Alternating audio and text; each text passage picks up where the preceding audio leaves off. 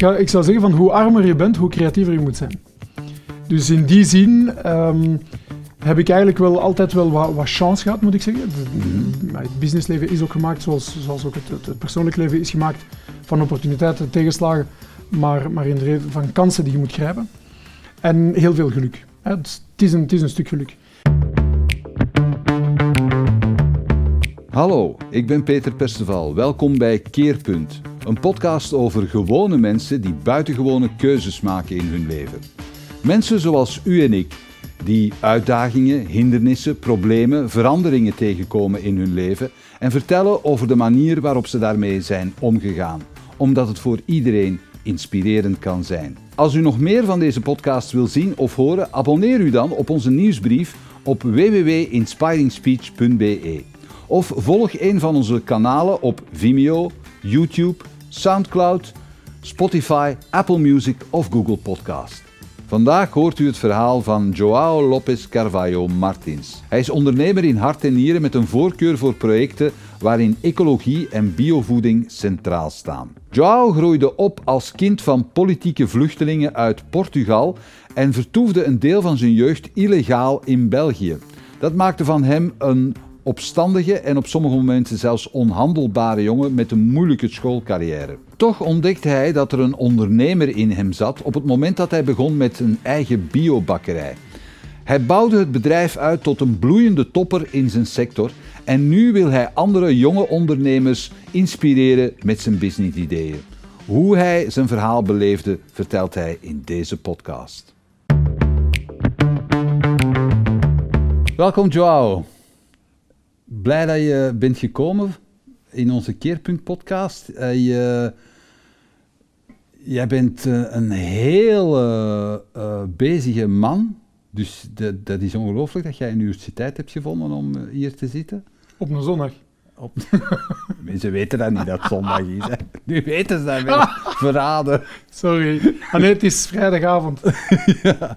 Nee, Joao, je bent, je, je, je, jij bent CEO van een bedrijf dat je echt van nul hebt opgebouwd. Vertel eens, wie, wat moeten wij weten over Joao Martins om, om te weten wie jij bent? Wat moeten we weten over mij? Ik denk de, de vraag is, eh, is het belangrijk om te weten wie ik ben? Ik denk dat het misschien belangrijk is om te stellen wat ik doe. Ja? En ehm, waarom ik die dingen doe, dat is, dat is eigenlijk eh, mijn drive. Eh, ik, ik ben meer iemand van, van de schaduw.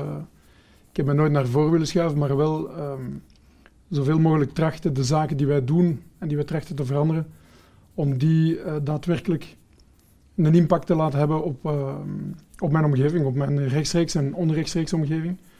En daarmee ook trachten wat verder te reiken en andere bedrijven ertoe aan te zetten om onze, onze flow te volgen. Dat is eigenlijk eh, meer mijn drive voor dat wie ik eigenlijk ben. Oké. Maar je hebt nog altijd niet gezegd wat voor een bedrijf dat je hebt en zo. Gewoon de, de factuele informatie. Wel, laten we zeggen, ai, om een beetje dan toch terug, terug te komen op die vraag. Als je mocht, mocht ehm, als antwoord van wie ik ben, is eigenlijk... Ik ben een, een ja, sorry voor, voor mijn, mijn Nederlandse taal als, als ik sommige woorden in het Frans of, Nee, nee, geen andere talen ga probleem. zoeken. Geen probleem. Maar een, een, een soort eh, incubator, Ja? waar dat wij een, een ehm, accelerator, incubator zijn, waar dat wij ehm, op een organische manier zaken gaan ontplooien. Hè. Alles is gestart ehm, met een, een bakkerij. Vanaf mijn, mijn professionele ehm, als je zakenwereld eh, is dat begonnen met een biobakkerij. Eh, dat is begonnen in, in de jaren 90, eind jaren 90. Ehm, en ik had altijd een drive om, om, om echt heel breed te reiken en, en andere zaken te doen. eh, immobiliën, weet ik veel. Ik droomde van mijn eerste jacht, mijn eerste helikopter en, en, eh, enzovoort enzovoort. Ehm, daar ben ik ondertussen van afgestapt. ik, stel je gerust. Maar hoe kan ik het stellen? Eigenlijk, ehm uw leven zorgt ervoor dat je ofwel een aantal obstakels krijgt of een aantal opportuniteiten krijgt. En die kunt je nemen al dan niet. En je kunt er iets mee doen al dan niet. Ja. Je kunt een beetje luier zijn, je kunt een beetje meer eh, ambitieus zijn. Dat, dat gaat ook ertoe leiden dat je zaken op een bepaalde manier doet. En ehm, een aantal van die obstakels eh, hebben ervoor gezorgd dat wij ons volledig hebben herpositioneerd. En waar ik een, een gewone uh, biobakkerij was, gewoon, we hebben altijd wel de tendens om te zeggen, we zijn de beste, de mooiste, we maken het beste brood enzovoort. Ja. Maar um, wij, wij, we zouden eigenlijk meer tendens hebben om te zeggen, we willen het goeiste brood maken. Het hmm. goeiste, um, ik weet dat dat woord in Nederlands niet bestaat, maar het is meer in, in de holistieke view van, van voor wat voor mij uh, zaken doen is. En dat betekent dat elke stap dat wij ondernemen, heeft een tegenconsequentie, heeft een impact. Um, die hebben we dus jaren aan een stuk kunnen bestuderen en zeggen van, oké, nu weten wij ongeveer Waar een beetje een baby, hè, die leert te stappen en die, die kruipt een beetje rond. En die leert en die snijdt zich en die blesseert zich en, en die valt van zijn stoel en dan van de tafel enzovoort. En dan begin je eigenlijk je wereld te, te, te, te verkennen. En je ontdekt een heleboel zaken dat je toen je wat kleiner was mis hebt gedaan enzovoort. En die obstakels zorgen ervoor dat je een heel precieze, nauwkeurige wijze vindt van hoe dat je moet evolueren. En die, die, evolutie heeft ervoor gezorgd dat wij vandaag, hè, gezegd, toen dat wij elkaar de laatste keer hebben gezegd, was ik inderdaad uh, eigenaar van, van één bakkerij. Ja. Ik ben nu um, aandeelhouder van zeven bedrijven, waarvan ik eigenaar ben van, van vijf. Um, en ik zit ook in de board van verschillende andere bedrijven, waar je eigenlijk een booster bent of een coach, om die bedrijven op te krikken, te herpositioneren, te restructureren enzovoort. Dus dat is, dat is onze wereld vandaag. Hè. Dus we zijn eigenlijk een, meer een, een, een ontwikkelingscentrum, een, uh, een centre de recherche et développement. Een designbureau, uh, maakt niet uit. We, groeperen eigenlijk een, een, aantal um, brains om de wereld van morgen iets of wat beter te laten, te laten verlopen en iets, iets, iets mooier achter te laten aan onze kinderen. Dat, is echt, dat klinkt uh, misschien heel, heel poëtisch, maar, maar het is ook werkelijk wat we aan het doen zijn. Oké, we gaan eens uh, naar het begin van het verhaal dan. Wat was jij voor iemand toen je 15, 16 was? uh, dat is een vraag die mij nooit niemand heeft gesteld. Het is moeilijk om antwoord te Ik kan... Uh, de basics is, ik was echt een krapul. ik denk dat als mijn leraars...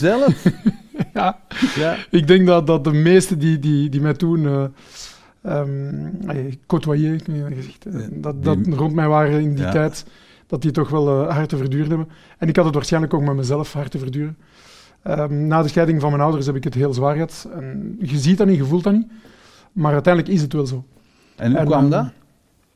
Wel, de scheiding we, we, op, op die leeftijd, hè, dus 15, 16 jaar, uh, zijn mijn ouders gescheiden. En, en je vindt dat heel cool en dat lijkt ook heel cool omdat je dan bij twee ouders een beetje kunt doen wat je wilt. Maar het is heel zwaar geweest. Um, uh, mijn vader is kort daarna ook uh, vertrokken naar het buitenland. Um, en mijn moeder ja, nog een beetje daarna ook. Maar um, ik ben dan van thuis weggelopen en heb mijn eigen leven uh, moeten leiden. En het is echt lijden met lange en korte ei. Dus um, ja, het is, het, is, het is, een harde strijd Je bent van thuis weggelopen, wat, wat, wat wou dat dan zeggen? Je, je, waar, waar zat je Ik denk dat ik niet, niet met, met, met, mijn vader en ook niet met mijn moeder kon, kon leven, dus ik, ik wou echt op, op mijn eentje gaan leven. En ik ben dan uh, een jaar bij, bij mijn onkel in Brussel gaan wonen. En achterna ben ik uh, volledig alleen gaan wonen. En dat is, dat is, een, een, dat is een, zware, een zware strijd geweest, gedurende minstens zeven jaar. Um, waar ik nog gedeeld nog mijn studies heb verder gedaan en dan in in vierde, middelbaar, uh, met enorme politieke discussies met mijn leraars in Sint-Lucas destijds, heb ik dan gezegd van oké, hier hou het op. Uh, ik moet iets van mijn leven doen en studies, dat is niet voor mij. Dus ben ik direct in het bedrijfsleven gestapt en, uh, en voilà, en hier staan we nu. Maar je zat in, uh, in kunstrichting dan? Ik zat, dus ik ben, ik ben vertrokken van um, Sint-Pieters College in Leuven, waar ik het al vrij moeilijk was, hè, waar ik een echt krapul was. En uh, ik denk dat de, de, mensen die, die de naam Lopez nog vandaag horen, dat die, dat die gaan lopen. En dan, um, dat is mijn, een van mijn familienamen. Ja. En dan uh, ben ik, uh, denk ik, drie of vier maanden gebleven in Don Bosco Haagt. Ik ben daar niet langer kunnen blijven, want ze hebben me daar weggestuurd. En dan ben ik, um, en dan ben ik uh, beland in Sint-Lucas, want dat, dat, was echt mijn droom om, ja. om, om, architect te worden, de kunst en en uh, daar heeft dat ook niet zo lang geduurd, uh, want ik ben daar opgestapt in mijn vierde middelbaar en onmiddellijk beginnen werken daarna. En welk werk deed je dan? Wel, ik heb uh, zeven jaar uh, kunstboekbinnen gedaan. Uh, wat dat niks te maken heeft met mijn, mijn werk van vandaag. Maar dat was de zaak van mijn onkel. En ik wou altijd, ja, omdat ik ook thuis weggelopen was, wou ik terug een beetje aanleunen aan de familie. Iets daarvoor heb ik... Um, mijn eerste job was bij Johnson Matthey. Heb ik aan de lijn gezeten als, als productiechef. En had ik eigenlijk gewoon... dat waren katalyse potten voor auto's. Hè. De, de, de filters eigenlijk die, die op onze uitlaatpijpen staan die, die moesten wij maken, op een band zetten en zo. En met, met vreselijk toxische producten. We werden gescand elke keer als we, als we daar weggingen. Maar de, ik ben daar voor het eerst in contact gekomen met de reële industrie. Ja. Automatisatie en, enzovoort. Um, ik ben daar dan weggegaan, dat, dat was een interim job. Ik ben daar dan weggegaan en uh, onmiddellijk begonnen. Ik heb de, de gele pagina's opgedaan. En daarin gewoon het eerste de beste. Dat was Marketing Unit. Ik heb gebeld. Marketing Unit. Marketing de, Unit. Aan de Louis Alaan daar. Aan de Louis Alaan, heel ja, goed. Ja, ja. ik, heb, ik heb het onlangs nog opgezocht en het bestaat al lang niet meer. Nee, ik kan nee, er niks nee. meer over terugvinden. Nee, het is opgekocht op een gegeven moment door Sop en Map. En die hebben daar ja, voilà. conglomeraat van gemaakt. Ik heb, daar, um, ik heb daar inderdaad een, een, een, vrij lange tijd gewerkt. Ik ben daar heel snel uh, doorgegroeid als uh, vertaler van in vijf verschillende talen. Alle interviews, alle enquêtes die moesten gedaan worden. En ik was dan ook de enige die gevonden had hoe dat ik... Uh, de enquêtes kon vullen per dag, waar dat iedereen twee, drie enquêtes deed, deed ik er uh, misschien een vijftigtal. Dat was gewoon ja, weer technieken en toepassen. Um, ik heb daar enorm veel, enorm veel geleerd. Dat was met Vera, die een heel goede vriendin is geweest. Die is dan uiteindelijk ja. nog bij ons op vakantie geweest in Portugal. Maar um, dat heeft mij in contact gebracht met, met marketing en wat de enquêtes waren, wat de consument verwachtte en zo. Ik moet zeggen van, zowel in, in, in mijn studies, hoe kort dat ze ook geweest zijn, heb ik altijd er iets uit geleerd. Altijd. Uh, ik, ik heb het heel lang en, en heel veel jaren bekritiseerd, maar het heeft mij altijd iets bijgebracht. En dat ik vandaag nog steeds gebruik. Ja. Of dat het was in Sint-Lucas, of dat het was Don Bosco misschien iets minder, omdat dat niet lang is geweest, maar, um, maar overal heb ik wel iets, iets uh, geleerd. En ook de contacten met bepaalde leraars. Ik denk dat het feit dat ik mijn studies niet heb kunnen verder doen, was hoofdzakelijk, en dat is geen schuldgevoel dat zij moeten hebben met leraars, maar er zijn inderdaad leraars die die iets grotere moeite doen om te beseffen dat een kind, uh, dat is een wereld op zich. En dat je kunt niet 20 of 25 kinderen in één pot steken en zeggen van ze handelen allemaal en ze denken allemaal op dezelfde manier. Met dezelfde gevoelens. Dat is niet zo. En wanneer je in contact komt met, met, met aparte leraars die, die je potentieel zien of, of die iets aparts in jou zien en zeggen van die jongen moet ik op een andere manier behandelen um, of benaderen, dan krijg je daar sterren in. Je kunt en die leraars hebben mij enorm veel bijgebracht en dat heb ik vandaag nog steeds. Oké. Um, je bent, uh, jouw ouders die zijn uit Portugal gevlucht. En uh, was jij toen al geboren? Nee, nog niet. Ik ben hier in uh, België geboren en getogen. Oké. Okay. In Sitagata Berchem. Ja. Um, de, dus mijn ouders zijn, zijn politiek vluchtelingen in de ja. jaren eind 60. Um, en ze, ze, vochten tegen het regime, dus ze moesten uh, zich eigenlijk uh, verduiken. In, dat was in, initieel bedoeld in Duitsland.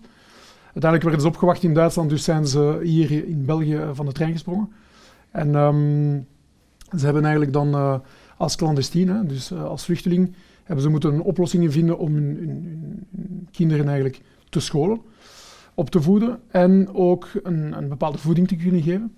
Ze hebben, ze hebben heel straffe verhalen toen. Ik heb heel straffe verhalen gehoord van mijn, van mijn ouders, dat ze toen bij de, bij de Aldi gingen pikken en, en ook bij de Deleize. Uh, gingen ze vlees en, en, en dingen waren in hun, uh, in hun steken. Dus ik zat in, in de buggy en onder mij zat van alles die gestolen werd om, om te kunnen overleven toen. Ja. En, um, en dan eigenlijk, omdat we allemaal universitair waren, ze toch wel een intellectueel uh, niveau, um, hebben ze eigenlijk een, een klein clandestien schooltje opgericht in Leuven, in de Naamse straat. Daar is alles begonnen. En um, ook een alternatieve voeding is daar gestart. En met het vooruit met de splitsing van de Universiteit Leuven met uh, de, Waalse, de Waalse vleugel, zijn ze dan uiteindelijk verhuisd naar Louvain-la-Neuve.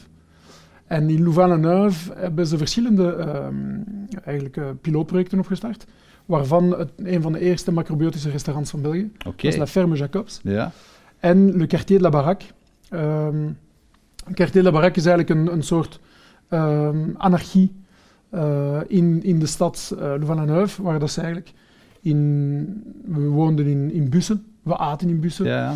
Ehm, we, we, we sliepen ook daarna, achteraf heeft, eh, heeft er subsidie, hebben we subsidies bekomen van de Universiteit uh, van, van. En die heeft ons dan een kasteel ter beschikking gesteld. Well, een kasteel, klein kasteeltje, dat noemde La Ferme Jacobs. Of La Ferme Roos, want we hadden die helemaal in het roos geschilderd. Mhm. Iedereen kende het onder La Ferme Roos. En dus daar is een eerste macrobeutisch restaurant gestart. En gelinkt daaraan, dus dat was een, een, een coöperatief, gelinkt daaraan zijn we begin, beginnen um, groentetaarten te maken. Die waren absoluut oneetbaar. uh, maar bon, dat werd, dat werd verkocht. Dat was het begin van, van de bio. Um, er zijn uh, heel gekende uh, bedrijven van daaruit voortgevloeid, zoals Interbio vandaag. Ja. Um, zoals Lima ook, dat was, dat was een groepering van van biostarters. En, ja. en dat, dat, heel veel bedrijven zijn daarvan gestart. Je, je hebt dat bewustzijn wel van thuis uit meegekregen. Absoluut, ja. ja. absoluut zeker. Ik heb een hele tijd in, in volledige oppositie geweest met mijn ouders, hè, pas op. Ja? Want ik Waarom? geloofde in niks wat ze deden, maar uiteindelijk... Je, je, je, je geloofde niet in hun, in hun engagement dan, of wat? Nou, als je, als je dag, dag in, dag uit uh, volle rijst moet eten, geen suiker en, uh, en, en geen vlees, ja, op den duur zitten we inderdaad beu. Ten deur wil een op. Ja, mijn, mijn, mijn, papa en ik uh, verstopten ons soms in het weekend en we gingen bij de Chinees eten. En mijn vader vroeg altijd de, de, de meest verstopte tafeltjes, zodanig dat er nooit een klant mocht zien dat wij bij een Chinees gingen eten. ja. Ja, want, uh, mama, bref, dat was... Uh... Oké. Okay. En hoe komt het dan dat je dat terug hebt opgepikt eigenlijk? Maar ik denk uit, uit, uit veel, veel in mijn leven is, is, um, is ontstaan door frustraties. Waar ik eigenlijk niet uh, kon doen wat ik wilde doen, of toch zeker niet op de manier dat ik het wilde doen. Dat was het geval bij de boekbinderij, waar ik zei van ja, ik had, ik had zoveel ideeën en uh, we waren toen uh, in, in, in het begin dat ik bij mijn onkel ben gestart, zijn we een, een, bedrijf in Duitsland gaan bezoeken waar dat die, die gasten ook boekbinderij deden, Mhm. maar volledig geautomatiseerd en ik was totaal gepassioneerd door, door wat zij deden. En ik wou dat dan ook natuurlijk, als ik terugkwam in Brussel, wou ik dat allemaal implementeren, leasings doen enzovoort. Um, mijn onkel was daar absoluut in tegenstrijd. Dat was echt zo van, we investeren pas als we het geld daarvoor hebben. En uh, dat is allemaal bullshit. Uh, wij, wij, draaien al meer dan 40 jaar met, met die businessmodel, dus je moet er niks aan veranderen. Volgens hem was dat never change a winning team. Dat was voor mij absoluut geen winning, uh, winning team, dus dat moest veranderd worden. Okay. Dat was niet zijn opinie, dus voilà, ik, ben daar, ik heb hem zes maanden vooropzeg gegeven. Ik zeg van, ik vertrek. En um, voor mij was op die manier elke opportuniteit goed. Ik heb dan bedrijfsbeleid gestudeerd. Um, ik heb um, twee jaar in één kunnen doen, hè, met, met uh, hard werken, dus overdag werken en dan s'nachts studeren. En dus heb ik uh, om duur besloten om iets anders te gaan doen.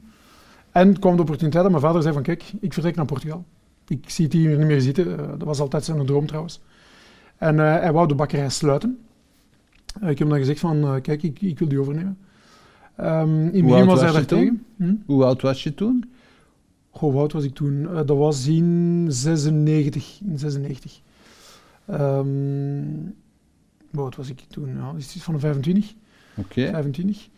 Um, en uiteindelijk heb, heb, ik dan de bakkerij toch overgenomen. Dat, was een, uh, dat, werd, gedaan in een garage waar dat uh, TVV, uh, TVV al gezegd had van je moet hier absoluut of investeren of vertrekken. Um, en dus heb ik besloten van, van heel snel te investeren, maar ik had de middelen niet. Ik begon van, van nul quasi. Ja. Um, en dan heb ik onmiddellijk een biocertificaat aangevraagd. Dus ik wou echt structuratie, ik wou echt iets, iets op poten zetten dat, dat, dat, verder kon uh, evolueren. Um, mijn vader had altijd alleen gewerkt, uh, deed, deed heel het werk, boekhouding, leveringen, deed alles zelf. Uh, af en toe had hij wel een hulpje, maar dat, is, dat, was sporadisch. En ik wou er echt iets groots van maken. Ik had echt grote ambities. En dus binnen, binnen de kortste keren zijn we verhuisd naar Wilselen. En in Wilselen, dat was denk ik al in 1997 zijn we daar naar verhuisd. En um, daar had ik een, een, een gebouw gehuurd uh, waar dat ik ja, verder kon evolueren. Denk, het duurde een aantal jaar. Ja. En in 2000 werden wij benaderd door de grootdistributie. Door de lijzen zijn we benaderd geweest. Uh, dat waren de eerste City-de van België die wij hebben uh, helpen opbouwen in de bio. Ja. Dus we hebben de eerste biobroden van, van de lijzen geïntroduceerd. En uh, zo zijn we eigenlijk uh, voortgevloeid. In 2009 zijn we dan uiteindelijk verhuisd naar Brussel, Ja. waar wij nog steeds uh, zitten. Oké, Maar dat is een heel, dat is een heel groei, groeiparcours. Waar heb je dan de middelen vandaan gehaald om dat, om dat, om dat meteen te, te, gaan investeren? Hoe heb je dat aan boord Ik heb nooit middelen gehad. Ik heb uh, heel Het is daarom dat ik het vraag. Ik ken het verhaal een beetje. Dus hoe, hoe, creatief ben je geweest? Hoe heb je dat aangepakt? Wel, ik, ik, ga, ik zou zeggen van hoe armer je bent, hoe creatiever je moet zijn. Dus in die zin um, heb ik eigenlijk wel altijd wel wat, wat chance gehad, moet ik zeggen. Mhm. Het businessleven is ook gemaakt, zoals, zoals ook het, het, persoonlijk leven is gemaakt, van opportuniteiten, tegenslagen, maar, maar in de reden van kansen die je moet grijpen. En heel veel geluk. Het, is een, het is een stuk geluk. En ik heb een, een, een heel toffe bankier gehad destijds. Uh, van Volsem, ik herinner mij zo'n zo naam van de Credit Communal. En die heeft, mij, die heeft in mij geloofd. Die heeft, heeft me dan een, leasing aangeboden, denk voor een miljoen vijf Belgische frank destijds. Dus van 40.000 euro. En daar heb ik een houtoven mee gekocht, daar heb ik een aantal machines mee gekocht. En dat was mijn eerste, een eerste input om, om door te groeien. Efficiëntie, automatisatie enzovoort, dat hebben we daar... Uh, de eerste aanraking dat ik heb gehad daarmee. Um, en toen ik uh, in contact ben gekomen met De Leize... Uh, maar die meneer Van Volsem, hoe kwam dat dat hij in, uw, in uw project geloofde? Hoe heb je die overtuigd? Ik weet niet of dat ik mijn geheim mag, mag geven, maar ik weet dat... hij had mij één keer gezegd, ik, ik ben natuurlijk een spons, omdat ik niet veel uh, opportuniteiten kreeg, moest ik ook, moet ik zeggen, heel snel de dingen oppikken waar, waar ze waren, waar de opportuniteiten werden gesteld. Ja. En hij had mij zo twee, drie woorden gegeven van hoe de bank functioneerde en wat de bank wou zien. En dus wat ik wel kan meegeven is dat ik daarop ingespeeld heb en dus mijn krediet heel snel heb gekregen. um, en dat heb ik eigenlijk systematisch toegepast. Um, dat kan zijn met sale en leaseback, dat kan zijn met fluctuaties, dat kan zijn met, met uh, um, opwaarderingen enzovoort, maar altijd in het, in, het, in het juiste. Ik heb nooit gelogen. Nee, nee. Ik heb nooit gefoefeld. Het is altijd rechtuit geweest. Maar um, ik ben wel creatief geweest, laten zeggen. Met de middelen die mij ter beschikking werden gesteld. Maar uh, hoe het ook draait of keert, hè, wat een bank wil is een tableau waarin ze zien van onze investering gaat renderen. Maar daarvoor moet jij wel bepaalde doelen stellen. En dan moet je die doelen ook halen. Hoe, die doelen waren ongetwijfeld ambitieus. Had je een idee van hoe je dat ging bereiken dan? Met wat kun je dat het beste vergelijken? Ik denk als je, als je wilt versieren, hè, je wilt een meisje versieren, je bent er dol verliefd op en je wilt die absoluut hebben, dan gaat je bepaalde middelen ter beschikking stellen om dat te doen. Je gaat niet gekleed gelijk dat je door de week gekleed gaat. Je gaat een beetje oppeppen, je gaat een beetje gel in je haar steken enzovoort, ja. een beetje parfum doen. Maar ik denk dat is de basis om al een bank te overtuigen dat je bankable bent. Hè? Dat, je, mm dat, je, dat je sexy genoeg bent om te kunnen investeren. Of alleszins dat je kredietwaardig bent. En dus wat gaat je doen? Je gaat niet je cijfers verschonen, maar gaat wel een sterk verhaal brengen. En dat is van, kijk, ik ken mijn job, ik ken mijn business, ik weet hoe ik het moet leiden, ik weet hoe dat ik door het leven moet gaan met die business en hoe dat ik het minste risico um, zal verwezenlijken voor de bank. Als de bank aanvoelt dat je eh, quasi geen of geen uh, risico betekent voor hem, en dat je daarentegen wel potentieel hebt, ja. dan heb je al minstens 50% uh, eh, van een krediet behaald. Okay. En dan is de rest opbouwen met cijfers, goede presentatie, goede businessplan, SWOT-analyse enzovoort. En dat heb ik geleerd van mijn, van mijn uh, één jaar studie van, uh, bij Brusemo was dat toen in Brussel. daar heb ik toch geleerd van, er zijn basissen, de boekhouding, fiscaliteit enzovoort. Hoe werkt een beetje de bankwereld? En wat is een leasing, wat is een financiering, wat is een hypotheek enzovoort. Dus ik wist de basissen van hoe dat je uh, een banklening moet aangaan. Mm -hmm. En mhm. daar heb ik op ingespeeld. Oké, okay. ja. Nu, uh, gaat ook een beeld van waar dat je naartoe wilde. Absoluut. Wat was dat beeld? Is dat, is dat wat je vandaag doet? Was dat er toen al? Het is niet meer wat ik vandaag doe, het is hetgeen dat ik nog een aantal maanden geleden deed. Oké. Okay. Um, in de zin van... Um, mijn drive in het begin was echt van de grootste en de beste te worden. Wereldwijd, planetair. Ik zag geen limieten. Het was van hoe kan ik dit verbeteren? Hoe kan ik rendabiliseren? Hoe kan ik uh, betere winsten maken, gemakkelijker winsten, gemakkelijker geld maken? En welke systemen kan ik daarvoor gebruiken enzovoort. Maar altijd vanuit de bakkerij? Op dat moment vanuit de bakkerij, omdat ik ook mhm. niks anders kende. En, en dat ik ook uh, op die moment geen andere opportuniteiten zag en zeker niet de middelen had om in iets anders te gaan. Ook wetende dat, dat ik toen uh, in mijn beginfases ja, weken had van 120 uur. Dat, dat was non-stop. Uh, ik deed de leveringen, ik, ik, deed het brood, ik moest de boekhouding doen enzovoort. Dus dat, dat hield niet op. Uh, we zijn vertrokken van drie dagen levering in de week naar zes dagen in de week. Dus er was heel weinig vrije tijd om over andere dingen bezig te zijn. En, of met andere dingen bezig te zijn. En, en ook andere dingen te kunnen opstarten. Dus eerst en vooral was dat dan. Maar er zijn opportuniteiten geweest waar ik mijn eerste winkel wou open doen. Ja. de eerste bakkerij enzovoort. Dat is er nooit van gekomen voor x redenen. Die komen er dit jaar wel. Mhm. Maar dat is een proces geweest. En ik heb dat nooit kunnen doen met... met, met ja, uh, dat, dat, zijn ups en downs in de businesswereld. Hè. Er, uh, we hebben heel slechte periodes gekend, in, in, omdat ik ook geen, geen knowledge had. Ik had geen kennis. Dus ik ben, ik ben een eerste keer over kop geweest. Dat is, dat is heel zwaar geweest. Okay. Ik heb mij onmiddellijk geherpositioneerd. Um, maar, um, maar het is ook in, in elk bedrijfsleven is het vallen en opstaan. En elke keer dat je valt, heb je maar twee keuzes. Ofwel sta je op, ofwel blijf je liggen. Mm Ik heb gekozen voor altijd terug op te staan. En als je terug opstaat, één, je hebt een know-how die je ervoor niet had. En twee, je hebt een drive die je er, daarvoor ook niet had. Ja. En die drive kan zijn van 360 degrees, ik doe volledig iets anders. Ik wil dat niet meer doen. Ik heb mijn les eruit geleerd, dat, dat gaat mijn leven uh, verbroden of kapot maken. Mhm. Of, nee, ik heb hieruit geleerd, van mijn, van mijn fouten die ik begaan heb. En ik kan me nu op een hele andere wijze uh, herpositioneren en hier uh, sterker tegenaan gaan. Dat is geen dat ik elke keer heb gedaan. En dus vandaar uh, waar dat we vandaag zijn. Oké. Wat zijn zo de, de grote fouten die je hebt gemaakt volgens je eigen? Um, goh. Het zijn, ik, ik, denk niet dat ik grote fouten heb begaan, maar um, een, een grote tendens is aanleunen bij de foute personen. En dat is iets dat ik vandaag heb geleerd. Van, ik ga niet meer bij de mensen um, die mij ten eerste geen goed willen, die willen profiteren. Of, um, pas op, het is, ik, ben, ik sta open voor iedereen. Maar er zijn inderdaad toxische mensen waar dat ik vroeger altijd bij wilde aanleunen. Je wilt eigenlijk de mensen plezieren die, die u dan nooit gaan... Uh, Kun je een voorbeeld van geven? Goh. Vrienden die toen uh, familiale problemen hadden, die ik uit de nood heb willen helpen enzovoort, maar die me dan in, in het verkeerde pad hebben gestuurd. Waar dat de reden voor mijn eerste, um, voor mijn eerste grote tegenslag. Dat is gewoon, ja, willen mensen plezier doen, willen mensen uit de nood helpen, willen mensen um, ja, ertoe aanzetten om, om, om hun leven terug op, op pad te zetten. Maar ja, dat is, dat is niet altijd mijn job.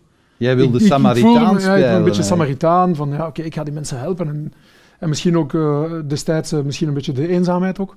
Want ik had geen familie meer in België, dus uh, ik moest dat, dat, is een, dat is een stuk drive ook voor mij geweest. Van, van, uh, die, die, dat, dat, gevoel van eenzaamheid. En, en je had geen vrienden, want je werkt dag en nacht. Uh, als er dan iemand uh, dicht bij jou komt, ja, dan, dan, uh, dan gaat het er gemakkelijk gaan, gaan, gaan naast of, of, of achter gaan staan. Maar er was iemand die je hielp in zijn zaak dan? Niet in zijn zaak, in zijn gewoon privéleven. Oké. Okay. Ja. Cool. En ben, ben je dat ook op businessvlak tegengekomen? Dat je zei van, ik vertrouw de verkeerde mensen of ik, ik maakte geen duidelijke afspraken daarover? Zeker, ook omdat je... Omdat je mm, hey, in het leven heb je ook verschillende uh, personen, zonder, enige kritiek op wie dan ook. Maar um, als je in een familie terechtkomt... Ten eerste, we hadden heel weinig banden hier in België dus dat, dat is al een, een, een, een, bepaalde afstand dat je creëert ten opzichte van je omgeving. Mhm. En dus een, een, een wereld bouwt je, hè, een, een, netwerk bouwt je op. Ik moest mijn netwerk van nul beginnen. Ik had geen ouders die veel kennis in hadden. Ik had geen uh, familie die, die, die contacten had enzovoort. Ook niet bij banken, ook niet bij vrienden, ook niet bij, bij coachen of maakt niet uit wat. Coachen kunnen zijn andere bedrijfsleiders die ook een bepaalde ervaring hebben, die dat kan bijbrengen. Ik had dat niet. Dus ik heb alles moeten opbouwen van nul. En... Um, en dus dat heeft ertoe gedragen dat, dat, dat ik mijn les helemaal alleen heb moeten leren. Mhm. Dat maakt je sterker. Als je het overleeft, word je daar heel sterk van. Um, en, en qua ambitie, of dat je nu miljoenen of miljarden maakt, dat is op zich uh, niet van belang. Maar uh, je weet wel hoe dat, dat je die dingen moet en, en wilt leiden. Maar in het begin leunt je aan tegen de mensen, omdat je denkt dat dat de goede mensen zijn. Mm -hmm. Maar je weet ook niet dat dat de slechte mensen zijn uiteindelijk. Voor hetzelfde geld zijn dat even goede mensen. Maar dat is niet het geval geweest bij mij. Hoe houdt u vertrouwen dan in... Uh, in allez, want ik kan mij, ik kan mij voorstellen uh, dat er mensen zijn die denken van... als je nu een aantal keren bedrogen uitkomt... dan, dan, uh, dan, dan gaan de deuren dicht. Dan zeg je gewoon van, van nu af aan ga ik niet meer meer vertrouwen. Jij bent juist iemand, enfin, zo heb ik jou leren kennen, die, die heel veel vertrouwen heeft en geeft. Maar dat, is, dat is geen dat iedereen me zegt, ja, maar waarom, waarom ze blijven vertrouwen, waarom ze blijven mensen mhm. helpen? Maar het is niet omdat er, dat, dat er een imbeciel um, uw, leven op een bepaald moment op een ander, op een ander uh, pad brengt, dat jij dat moet dan zien als, als, als een, een, een definitieve de facto. Mm Jij kunt daar iets aan doen. En je kunt zeggen van, oké, ik ga blijven mensen helpen en ik ga blijven die fouten begaan, want je weet nooit wie er reëel achter die persoon staat. En situaties zorgen ervoor dat ook die mensen kunnen veranderen. Dat die niet uh, misschien ene dag zijn die, zijn, zijn die de persoon dat je denkt dat ze zijn en door gebeurtenissen of door, door eigen wil veranderen die, veranderen die van pad, willen die niet meer bij jou zijn of zo. Dat, dat, dat kan allemaal gebeuren. Het is alleen hoe dat jij er tegenover staat en wat je ermee doet. Hmm. En ik, breng, ik tracht alleszins er alleen maar positief uit te komen.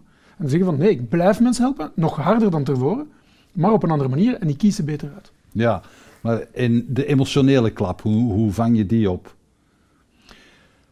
Maar je vangt die beter en beter op, omdat je ook veel beter definieert van wie bij jou mag aanleunen of niet. En dat is heel komiek.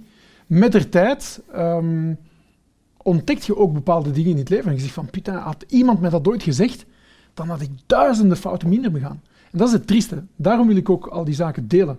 Ik denk dat als bedrijfsleider, klein of groot, maakt niet uit. We hebben de verplichting om, um, om onze knowledge te delen. Om, om andere bedrijfsleiders toe aan te zetten om te zeggen van, maakt niet uit of dat ze 100% naar jou luisteren, maar iets zullen ze altijd ervan pakken. En je kan mensen, het is niet, uh, ik haat als mensen verwittigen van, oh pas op als je dat doet, dat is niet goed, hè? je doet dat verkeerd. Nee, maar wel je ertoe aanzetten tot reflectie. Mhm. Denk na. Dit is de fotografie van uw situatie. Wat kun je daaraan doen? Dit is een fotografie van de persoon die tegenover jou staat. Is dat een vriend? Is dat een vijand? Je weet dat nog niet. In het begin kan dat heel goed lopen, heel veel enthousiasme, heel veel projecten enzovoort, en daarna kan dat volledig over kop gaan. Dat weet je niet in het begin. Maar je groeit eigenlijk wel antennes. Hè? Een beetje een radar die je creëert van in het begin, ja, ze zijn nog klein, hè, dat zijn nog, nog kleine antennetjes, en die beginnen te groeien en je weet, je kunt eigenlijk scannen wie er voor jou staat. In groten, grotendeels, dat is met personeel zo, dat is met je omgeving zo, dat is met, met, met, met, mensen, met vrienden, vriendschap, alles. Uh, en ook met, met andere zakenleden, uh, businesspartners. Dat is eigenlijk hetzelfde. Je creëert eigenlijk een soort scanner die min of meer kan ontdekken, dat is gelijk in de, in de, in de, in de geneeskunde. Hè. Een scanner gaat u niet altijd alles kunnen ontdekken. Hè. Mhm. Hetzelfde met mij. Ik ontdek niet 100% wat er tegenover mij staat. Maar ik ben wel attent. Ik kijk door andere ogen vandaag, laten we zeggen. Ja, oké. Je hebt een uh, uh, je, je, je, hebt je bakkerij op een gegeven moment uh, had je een heel, grote, een heel groot partnership met een, met een groot distributeur. Je hebt daar je hebt daar een, een heel naar avontuur mee meegemaakt. Wat, zijn, wat is een les die je daaruit leert? Kan je eens eerst vertellen wat er precies gebeurde eigenlijk? Goh, ah, ik denk dat, dat iedereen wel wil. Maar de, in, in, de, in de zakenwereld stellen we ons heel veel de vraag: um, is dat allemaal waar wat te zeggen over de grootdistributie? Ja. Word je echt zodanig onder druk gezet? Um, is dat echt een heel aparte wereld en zo? En ik zeg inderdaad ja. Nu, je kunt, je kunt daar natuurlijk op inspelen, hè, met vriendjespolitiek. Je moet in die wereld geboren zijn en getogen. Ofwel zijn een, zijn een killer en je kunt daarin meespelen, ofwel zijn daar niet en dan moet je daarmee zeker niet dichtbij komen. Maar je moet een killer zijn. Ja, je moet een killer zijn, maar, maar om in die wereld te kunnen voortvloeien, ja. Mhm. Maar, um, hoe moet ik het zeggen? Het is, is echt een aparte wereld. Je moet, je moet daarvoor gemaakt zijn. Ik was er totaal niet voor gemaakt ben daar een stukje meegegaan en uiteindelijk snel gezien dat dat absoluut mijn wereld niet was en zo snel mogelijk daarvan willen afstappen. Maar eens dat je zware investeringen doet, is dat moeilijk. Dus wat zijn de tendensen van, van, van de, de, de grote distributie? Dat is van een, een, een klein leverancier te gebruiken eigenlijk als een soort uh, artistieke directeur. je ontwikkelt, je creëert zaken, maar dan blokkeer je snel tegen het feit dat je weinig kapitaal hebt, dat je weinig middelen hebt om uit te groeien, om je te kunnen positioneren op zo'n markt, want het is enorm competitief. Dus um, om zoiets op te bouwen vanaf nul is niet echt een goed idee. Je kunt dat doen, maar het beste is dat je al iets hebt een, een, en dat je eh, een, eigenlijk je, je, risico's kunt ventileren over verschillende klanten, over verschillende mogelijkheden enzovoort. En dat maar jij, jij had dat niet. Hè? dus je, je, werd, je werd uh, eh, het hof gemaakt door een groot distributeur en die kwam zeggen van, we gaan, we gaan uw producten in de markt zetten. Ja. En jij was blij. Ja, we de, de, de, ik mag zeggen, met, met, met toch een, een, deel fierheid, dat we de beste uh, producten van, van, van een van die grootwarenhuizen hebben gemaakt. Uh, ik mag de naam niet zeggen, want we zijn midden in, in een juridisch proces, die we trouwens zo'n eerste keer hebben begonnen in, in eerste aanleg. Um, het, is, het, is een, het is een dier uit de savanne, laten we zeggen hun logo. Maar goed, um, het ding is dat wij um, zwaar onder druk worden gelegd om de zoveel tijd. Dat is cyclisch. Waar dat je heel zwaar onder druk wordt gelegd om ofwel je prijzen te doen zakken, of uh, om, om betere producten aan te leveren, maakt niet uit. Er is, er is, altijd wel een reden om je of te ontslagen, of om je prijzen heel sterk te drukken. Dus als je in die bottomprijs geraakt, dan mogen je blijven werken. Doe je dat niet, dan gaat dat gewoon uit. Ja. En we laten dat maken door iemand anders. En dat is geen dat ons gebeurd is. Dus hebben onze producten die de beste verkoop waren, echt succes, succesproducten, zijn gekopieerd geweest en werden doorgegeven aan onze concurrenten. Um, wel, toen we het proces hebben uh, aangespannen aan, aan die, die, die, partner, um, kwam er heel duidelijk uit van, zeg maar, wij hebben alle rechten. Dat, is, dat, dat staat duidelijk, hè? zonder boe of ba. Wij hebben alle rechten, wij mogen dat doen en we gaan dat zonder probleem gaan winnen. Dus zij zijn absoluut overtuigd dat ze met een leverancier, groot of klein, alles mogen doen wat ze willen. Um, groeperingen, we, we, spreken al over mono, mono, monopoliezaken, hè? dus ja. dat, dat, zijn... Uh, um, dus dat is misbruik van, van, van, macht, uh, van macht. Dus dat gebruiken ze, maar als ze daar alleen niet aan kunnen, dan gaan ze nog harder groeperen met conculega's, uh, die dan samen gaan binden om een leverancier kapot te krijgen. Of klein te krijgen of kapot te krijgen. Nou, dat, is, dat is geval geweest bijvoorbeeld met Kraft of met Unilever, waar ze dachten van ja, we zijn hier de beste van de wereld. We gaan dat hier uh, een paar cent de prijzen doen omhoog gaan. No way. Ze hebben een, groepsaankoop gedaan en ze hebben gezegd vanaf nu beslissen wij. En ze hebben moeten plooien. Hè. Unilever Kraft hebben moeten plooien ten opzichte van die, van die uiteindelijk veel kleinere spelers. Ja. Um, en ja, dat is, dat is fenomenaal. Maar het toffe daarvan is dat wij dat allemaal bestudeerd hebben. En dat we zeggen van, uh, um, als we een rechtspraak willen aanspannen aan zo'n grote groep van 57 miljard, moeten we daar toch wel heel clever in zijn. En uiteindelijk hebben we de, de, de eerste overwinning van de, de historie van Europa achter de rug. Maar wat is de, wat is de grote les die je daaruit haalt? Dat je zegt van oké, okay, ik ga, hè, dus de eerste les is ik ga mijn, mijn, mijn eieren niet meer, niet meer allemaal in die ene mand leggen. Wat zijn andere lessen die je daaruit haalt? Er zijn tal van lessen. Niet alleen, niet alleen in die sector, maar in, in alle sectoren dat wij, dat wij bewandeld hebben. Um, de grote les daarin is inderdaad, ja, zet niet al uw eieren in, in dezelfde mand, maar dat is ook gemakkelijk gezegd. Uh, als zo'n klant u benadert en je zegt van oké, uh, we gaan starten met jou, je weet niet wat er achter de deur gaat. Je weet nooit waar dat je evolueert. En eens dat je in die flow je moet dat vergelijken met, met een stofzuiger. En je, hebt dat, je hebt die kleine, dat, dat klein stofdeeltje op de grond, die wil ontsnappen. Die ziet, oh, die die stofzuiger dichter en dichter komen, want het is, het is uh, het is, het is verleidend. En uiteindelijk, ja, eens dat je er, hoe dichter dat je erbij komt, hoe minder kans heb je om te ontsnappen. Eens dat je in de zak zit, ja. is het over. Okay. Dus dat is ons overkomen. Maar langs de andere kant ken ik nu als enige de weg naar de zak van de stofzuiger en weet ik hoe dat ik er moet uitkomen. en dat is pas als de stofzuiger uitvalt. Dat is, uh, dat is uh, Jonas in de muil van de walvis eigenlijk. Absoluut. En dat is echt wat we gedaan hebben. Maar hoeveel mensen kunnen dat verhaal vertellen? Ja. Ik ga nooit die mensen bekritiseren. Dat is de, de, de, de, de, de, de dat is de, de, de wetten van de jungle. Dat is zo. Mm. En dat, daar kom je levend uit of niet. De ene keer wel, de ene keer niet. Als je wat smarter zet, dan, dan raakt er wat gemakkelijker uit. Zet het dan minder, dan raakt er wat minder uit. Maar ik, ik mag zeggen, er is zo'n een, een magnifiek verhaal van, van twee muizen die, uh, die sterven van de honger.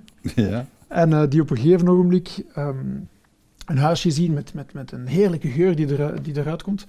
En ze zien op de tafel een, een, een pot uh, met melk.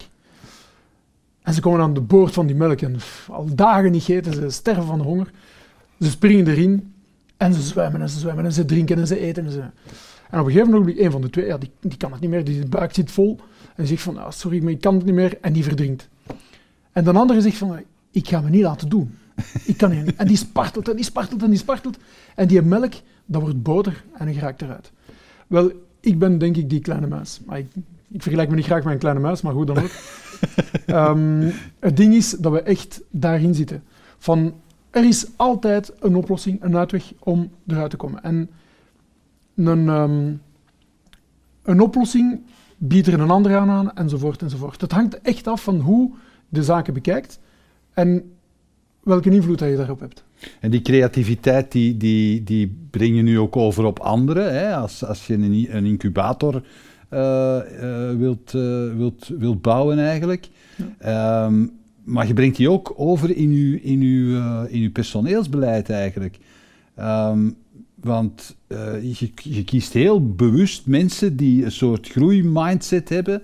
Die, die, en waar dat jij potentieel in ziet, waar heel veel andere mensen van zouden zeggen: van ja, maar ja, waarom gaat er met die in zee? Maar ik denk, nogmaals, dat is, dat is, dat is terug hetzelfde. Hè? Dat is die, die, um, die radar die, die uiteindelijk gaat definiëren van wie bij jou mag aanleunen. Niet mogen, hmm. maar wie automatisch bij jou gaat aanleunen. En ik denk dat we een, een, een beetje terug te springen op, op ja, voorgaande vraag, hè, die uiteindelijk gaat uitleiden naar, naar het antwoord dat je nu, nu, uh, nu stelt. Hmm. Eigenlijk mogen we het, want we hebben er nog niet over gesproken, maar we zitten in een bepaalde uh, aparte, heel aparte situatie. Hè, de, de, de, de corona uh, en de, de, de covid-situatie. Eigenlijk kunnen we vergelijken wat dat we meegemaakt hebben, identiek hetzelfde, op de identiek dezelfde manier van, van de coronacrisis nu. Wat doe je met zo'n crisis? Als je een horecaleider bent, als je een, een bedrijfsleider bent, wat doe je in zo'n situaties? Mm -hmm. Zeggen van, ah, fuck, ja, ik kon niet. Hè, we kunnen dat vergelijken met de grote distributie. Uh, van, wat doe je ermee? Het is een crisis, het is een breuk, het is een scheiding. Eigenlijk in de, in de emotionele wereld heb je zo'n scheiding, heb je uh, breuken. Maar wat doe je ermee? Ja, dus, uh, pleeg je zelfmoord, uh, smet je van, van, van het raam, of, of, of vecht je er tegen, vecht je tegen je eigen gevoelens. En ik denk daarin zijn er een aantal uh, emoties die als eerste um, komen bo bovendrijven. De eerste is woede. Um, je, je, je, aanvaardt dat niet, je, het is mm -hmm. onrechtvaardig, je begrijpt niet waarom ze je buiten gezet hebben, of waarom de scheiding, waarom ze niet meer van je houdt, weet ik veel wat. Dat is die eerste emotie. En dan is het um, droevigheid. En je zit triestig. Ja, waarom? Eerst is woede, dan, dan begin je te, te, te tranen en, en, je begrijpt het niet, maar je begint... Eigenlijk, dat is een, dat is een rouwproces. Ja, ik je begint dat te assimileren. Ja. En dan zeg je van, oké, okay, wat ga ik ermee doen? Ga ik ermee voort? Zet ik de volgende stap? Draai ik de pagina om? Wel, als het antwoord ja is, dat is eigenlijk een beslissingsboom. Wat doe je elke keer in die beslissingsboom? Ga ik verder? Stop ik? Als ik stop, wat doe ik dan? Uh, herpositioneer ik mij in een andere wereld? Doe ik iets anders? Stop ik mijn werken? Wil ik, gaan, wil ik op, uh, op uh, weet ik, de Caraïben gaan, gaan, gaan uitrusten? Je weet niet, die wereld komt er door crisissen. En de coronacrisis is zoiets. Ik, ik mag zeggen dat ik eigenlijk bijna geen hoop had, of toch in heel weinig mensen nog hoop hebben gesteld. Heel weinig mensen um, hebben mij een drive gegeven. In, ik geloofde ook in minder en minder mensen. Ik geloof minder en minder in de mensheid. Dat is een beetje een hard woord, maar ik geloofde echt niet meer in de mensheid. En, um, en hoe komt dat? Wel, dat komt daardoor, omdat je ziet van mensen zijn zo stupid. Er, er is zo um, een. een uh, Ze lopen met hun ogen open in de val, wilde zeggen. Niet bepaald, maar er is zoveel. Uh, ay, zoveel pas op, ik, ik ga dat erna corrigeren, want, want anders zou, zou dat verkeerd, in het verkeerd uh, keelgat kunnen schieten. Maar er is echt zoveel stupiditeit in de wereld. En dat komt door x aantal factoren. Hè. Dat is niet van uh, je wordt stom geboren, je wordt debiel geboren. Nee. Ja. Er zijn een aantal factoren in je leven die ertoe leiden. En uh, er zijn ook een, een aantal uh, factoren die aan de oorsprong zijn daarvan. Die ik in mijn hoofd heel duidelijk uh, gedefinieerd heb. Maar dat zijn crisisperioden die u verplichten om na te denken. En die verplichten om er iets aan te doen. Ofwel stop je ermee, ofwel gaat er voort en je vecht keihard. En dat is onze keuze geweest. En ik heb nu, door al die keuzes te hebben meegemaakt en door mijn uh, herpositionering en door die, die, die, die strijdlustigheid, door die, die vechtlust dat, dat, ik heb gehad, ook heb kunnen definiëren van uiteindelijk moet ik niet meer zitten pushen of duwen dat mensen bij mij gaan aanleunen, maar gewoon ervoor zorgen dat de mensen van hunzelf naar ons toe komen. En dat is hetzelfde. De, de, de, de zaken die we nu doen, de business die we nu aan het uitontwikkelen, business is een, is een verkeerd woord, denk ik, maar het is echt de, de, de zakenwereld was voor mij een, een, een vrij trieste zaak. Nu is dat een, een super plezante zaak. Mm -hmm. Maar dat zijn die crisissen die mij ertoe aan, aangezet hebben om anders te redeneren. En nu uh, uh, laten wij gewoon mensen naar ons vloeien. En dat is een plezier om dat te zien. Waarom? Een aantal voorbeelden. Ik rij nu met een elektrische wagen. Ja. Misschien uh, zeggen dat het een Tesla is, maar waarom een Tesla? Niet om, omdat het zo'n dure wagen is, omdat in tegendeel. Ja. Wij betalen minder dan onze vorige dieselwagens ja. per maand. Maar het is wel, um, hoe moet ik het zeggen? Het is, het is een, een, een, uh, een mindset. Waarom rijden wij nu in elektrisch? Waarom, ehm, waarom hebben we ons ge- gepositioneerd met oude granen enzovoort enzovoort? Dat heeft allemaal een bepaalde reden. Maar het coole ervan is, dat sinds dat ik mijn elektrische wagen rijd, heb ik mijn eerste echte vrienden ontmoet. Hè, dat is triest om te zeggen dat ik daarvoor niet echte vrienden had, maar dat is een realiteit. Ik leunde altijd tegen de verkeerde mensen, want die spreken niet dezelfde taal als mij. En eens dat je in, in, in, in een alternatieve school geraakt, waar dat, ik heb nu mijn kinderen eh, op een alternatieve school gezet, dus een, een actieve pedagogie, Ja. en dat is een wereld van verschil. De mensen die daar met mij aan tafel zitten bij evenementen op school, nu zijn er geen meer de laatste tijd, maar zijn mensen die exact dezelfde taal spreken. We hebben dezelfde eh, DNA's, dezelfde pedigree. Ja. En dat is ongelooflijk dat daarvoor nooit was. Als ik nu stop met een Tesla Charger en we beginnen te babbelen, ik zeg, wauw, maar putain, die spreekt dezelfde taal als ik. En we, we, we hebben een, een soort, een soort eh, same feeling. Dat is, dat is, ik zeg niet dat ze allemaal van Tesla-rijders allemaal zo zijn, maar er is een tendens. Ja. En als je een high potential zet, merk je ook ehm, dat je een andere manier, een andere visie hebt, een andere manier van denken, een andere manier van door het leven te gaan. En als je diezelfde mensen tegenkomt, dat is een beetje le vilain canard. hè, De, de, de, hoe- niet hoe dat in dit verhaal in het Een valkuil. Nee, nee, le vilain canard, dat is eh, de, de lelijke eend. Ja, ja, oké. ja. En je denkt, van, wauw, putain, niemand houdt van mij. En waarom? Ja. Maar je weet niet waarom. Je weet niet dat je een, een, een zwaan bent. Je zegt, "Nee, ik ben een lelijke, ik ben, ik ben veel groter, ik heb een andere snuit, ik heb een ander ding. Maar hoe komt dat niemand mij graag ziet? Is gewoon omdat je leunt tegen de verkeerde familie. Je leunt gewoon tegen mensen aan die u niet begrijpen. Punt. Dat ligt alleen daaraan. En eens dat je begrepen hebt van, oké, dat ligt niet helemaal aan mij, dat ligt gewoon aan de mensen die naast mij zijn, die gewoon niet dezelfde DNA hebben. Oké. En ik critiqueer helemaal niet de andere DNA's, pas op. Hè. Mhm. Ik ben heel open-minded. En, en, ehm, maar het gaat erom dat eens dat je dat beseft hebt, opent er een wereld voor u en dat is fenomenaal. Sinds dat wij gestopt zijn eh, en afgestapt zijn van, van die grote distributie, is er een gigantische wereld voor ons opengegaan. En wij amuseren ons gelijk zot. Dat is niet normaal. Wij, wij lachen de hele dag door.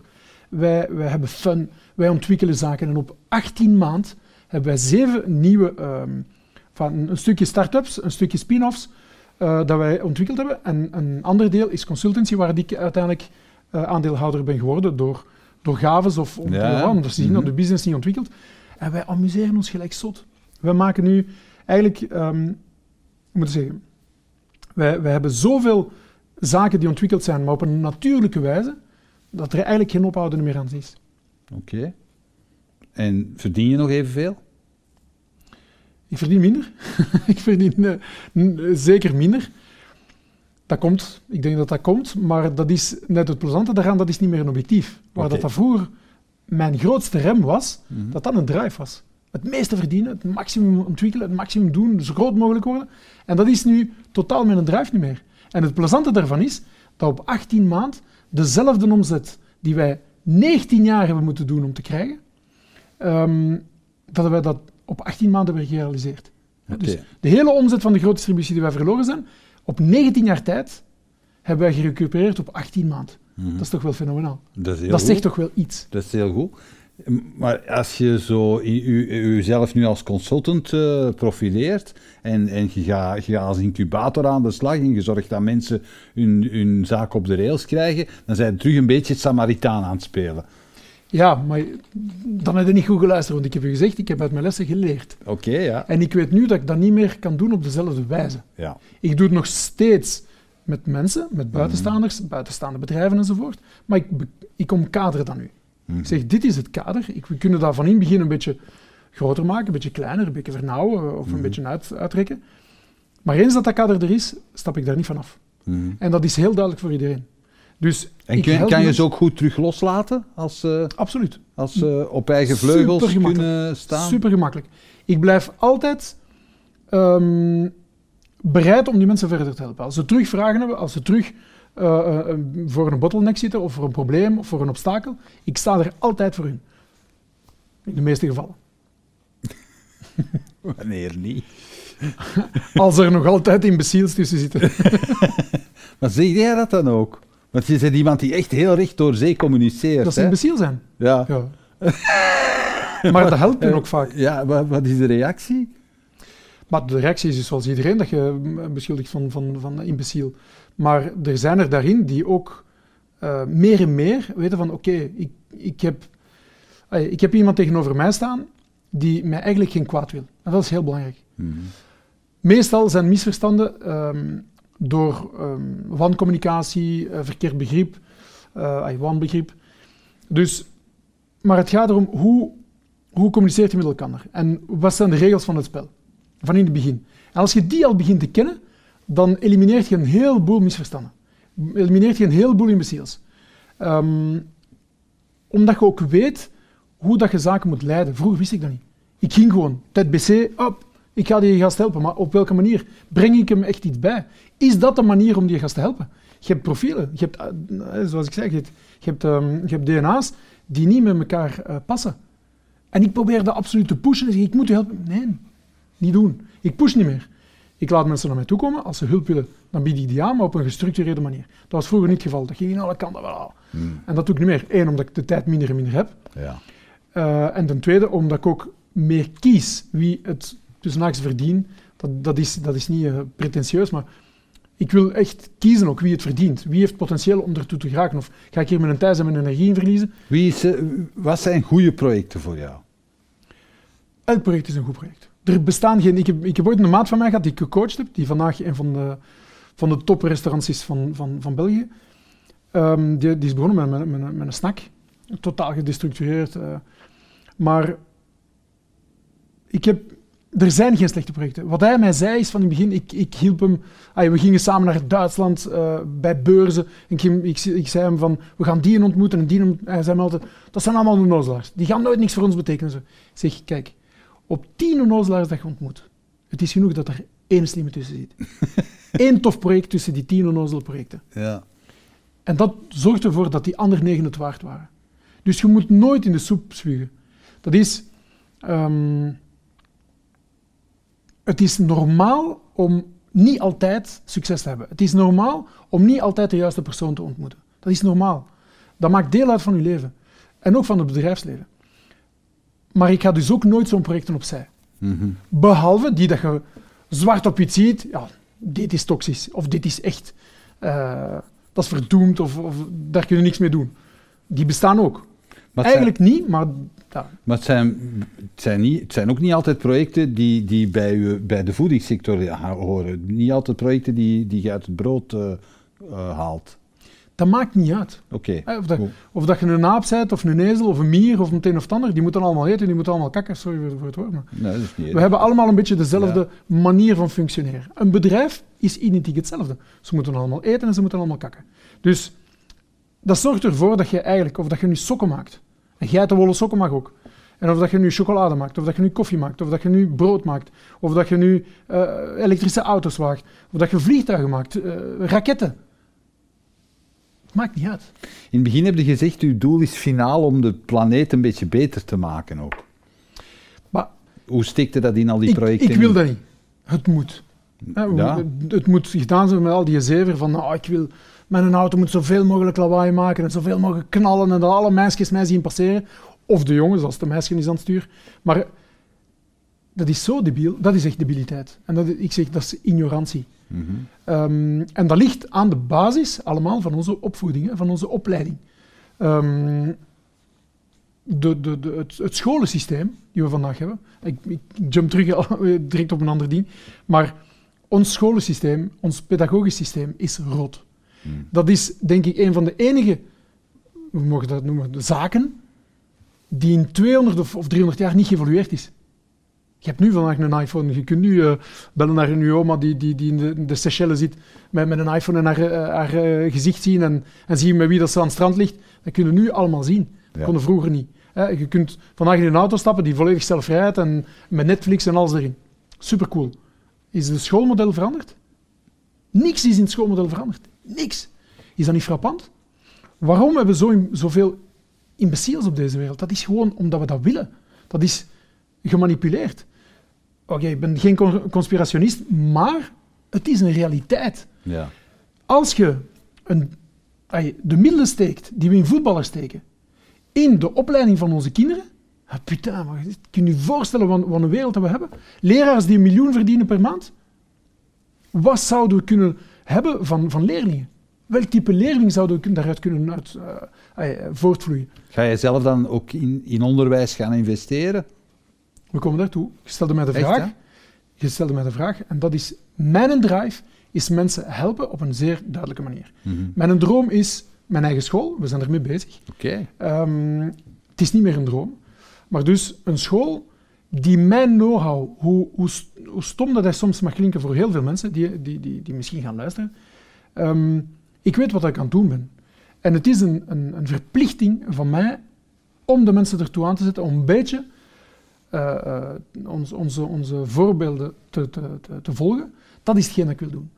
Um, je hebt dat verhaal van de kolibrie die met zijn druppeltje water iedere keer dat vuur probeert te blussen en uiteindelijk iedereen hem uh, bekritiseert en zegt, ja, maar dat druppeltje dat gaat niks meer doen. Ja, maar ik doe mijn stuk. Ik doe mijn klein stuk. En daar, daar, daar kan niemand iets aan zeggen. En dat is wat wij nu doen. Ik doe mijn klein stuk om de dingen te doen veranderen. We hebben een holistieke kijk, uh, holistieke kijk op wat wij doen. Elke stap is een voetafdruk. Wij proberen die voetafdruk minimaal te houden. Okay. En minimaal of in levitatie. Hè, we zijn, wij mikken levitatie, waardoor niks, alles wat daar onder ons zit, niet voelt, rondom enzovoort. Wij zweven gewoon door de lucht. En dat is onze uh, mindset, is exact die. Mensen begeleiden, leiden, uh, opleiden om daartoe te geraken. Oké, okay. fantastisch uh, project, dat lijkt mij. Ja, als je jezelf nu zou terug tegenkomen als 16 Toch niet toen ik 16 was? Jawel. Had niet zien aankomen? Had ik echt niet zien aankomen. Ja, maar dat is wel een magnifieke vraag. Wat zou je zeggen tegen jezelf? Ik zou die jonge kerel nooit meer loslaten. Ik zou die uh, onder mijn vleugel nemen en, en ik zou er uh, iets ongelooflijks van maken. Dat, uh, daar ben ik absoluut van overtuigd. En de, niet de minste twijfel. En waarom wil ik die school doen, oprichten? Dat is exact voor die reden. Voor die onnozelaar, die krapul van, van, van 15 jaar oud. Ik zou hem onder mijn vleugels nemen en, en ik zou hem niet loslaten. Hoe, hoe, hoe hard hij ook mij, mij mag uh, afstoten. En, en um, ik zou hem gewoon niet meer loslaten. Ja? Ja? Is dat wat je nodig had toen als 16-jarige? Dat er iemand u vastpakte en zei, ik geloof wel in u? Absoluut, ja, zeker. Niet alleen ik. Alle gasten zoals ik. Okay. Alle gasten zoals ik en alle gasten erger dan ik en misschien iets beter dan ik. Maakt niet uit. Er, er, we hebben begeleiding nodig in het leven. Soms krijgen we dat niet van onze ouders omdat ze er gewoon niet zijn. Soms krijgen we het niet omdat ze het niet willen. Soms krijgen we het niet omdat wij het niet willen. Maar hoe dan ook, we hebben begeleiding nodig in het leven. En dat is geen ontbreekt. En heel vaak willen we die begeleiding niet geven. Waarom? Uit egoïsme. Uit jaloezie. Als ik die gast daartoe breng, die wordt beter dan ik, die wordt rijker dan ik. Oh, dat mag vooral niet gebeuren. Ah, what the fuck? Dat moet gedaan zijn met, met, met die mindset. Wij moeten ervoor zorgen dat wij mensen ertoe aanzetten om... Hey, Red, Bull, Red Bull is een, is een magnifieke uitspraak. Red Bull ge geeft je vleugels. Wel, wat dat onze school wil geven, is vleugels. Mm. Ik wil aan die jongeren of die ouderen, want we hebben geen leeftijdslimiet, dat is gewoon vleugels geven aan de mensen. Zeggen van, je hebt die, maar je weet dat nog niet. Maar iedereen heeft ze. Van de, de ergste gehandicapten. Kijk naar een gehandicapte. En, en met de meeste respect voor, voor die mensen. Soms ontbreken ze benen, handen. En ze gaan door het leven al lachend, al werkend, al schilderend en noem maar op. Als het niet met uw neus gaat, is met uw mond of het een of het ander. En wij zitten te zeiken over zo kleine miseries. Oh, een ja. iPhone is niet het laatste model. En ik weet niet wat, en ik weet niet wat. En je zegt van, dat kan niet meer. Ah, ik bedoel, dit moet echt ja. gedaan worden. Die nonsens moet er gewoon uit. En um, het, is een, het is een proces die zelfs voor mij niet, niet gemakkelijk is. Hè?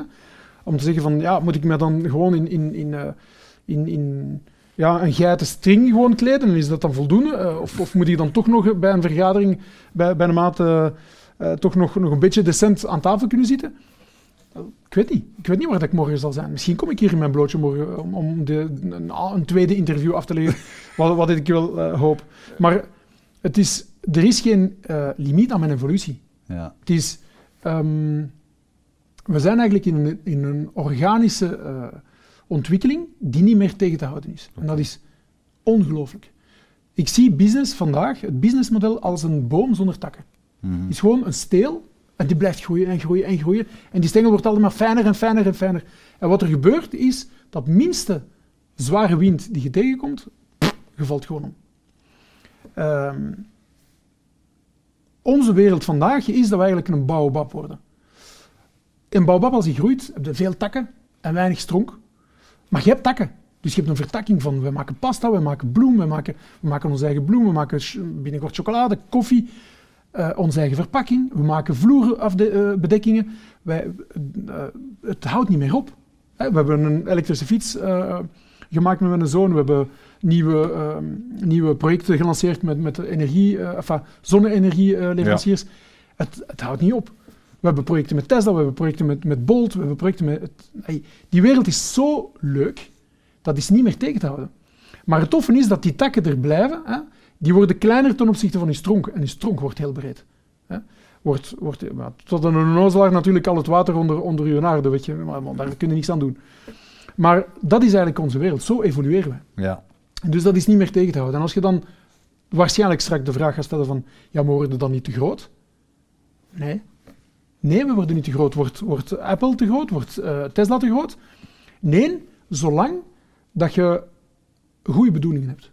Zijn die bedoelingen puur um, enkel en alleen voor, voor jezelf? Hè? Een, ja. een, groot ego en ik wil, ik wil groot worden, ik wil dit, ik wil meer power, ik wil macht. Ja, dan niet. Maar wat wij doen is delen. Ik heb mijn loon gehalveerd samen met mijn rechterhand. Hebben we beide besloten om ons loon te halveren, om dat te kunnen delen met onze mannen. We hebben ons personeel allemaal Tesla's gegeven. Niet alleen ik. Hmm. Waarvan sommigen dezelfde hebben als ik. Dus ik zit in een wereld waar dat ik niet meer kan leven zonder te delen. Niet alleen mijn informatie, hoe goed of slecht dat hij is. Ik deel hem omdat ik ook denk dat ik het beste doe, dat ik het beste deel en dat ik het beste kan meegeven aan die jongen van 15 of ouder. Maar ik, ik wil echt ervoor zorgen dat, dat, um, dat de mensen die, die, die rond mij zitten ook diezelfde feeling. Dat ik ze niet moet overtuigen. Ze volgen gewoon omdat ze ook exact hetzelfde denken. Dat, dat ze weten dat, dat we dit Dat ze ook zien dat je het meent. Je absoluut. Oké. Super. Ciao, bedankt dat je hier was. Ik, ben, uh, ik, ik vind het ongelooflijk uh, tof dat je zelf ook de vragen stelt, meestal. Sorry.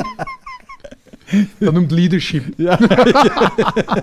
ik uh, ik kijk met belangstelling uit naar de realisatie van je dromen en tot ziens. Dank je. Dank je, dank je. Bedankt dat je keek naar deze aflevering van Keerpunt. Wil je op de hoogte blijven van nieuwe afleveringen en nieuwe interessante gasten? Abonneer je dan op onze nieuwsbrief via www.inspiringspeech.be. Iedere twee weken brengen wij een nieuwe aflevering online op inspiringspeech.be, YouTube, Vimeo en Soundcloud. Tot ziens.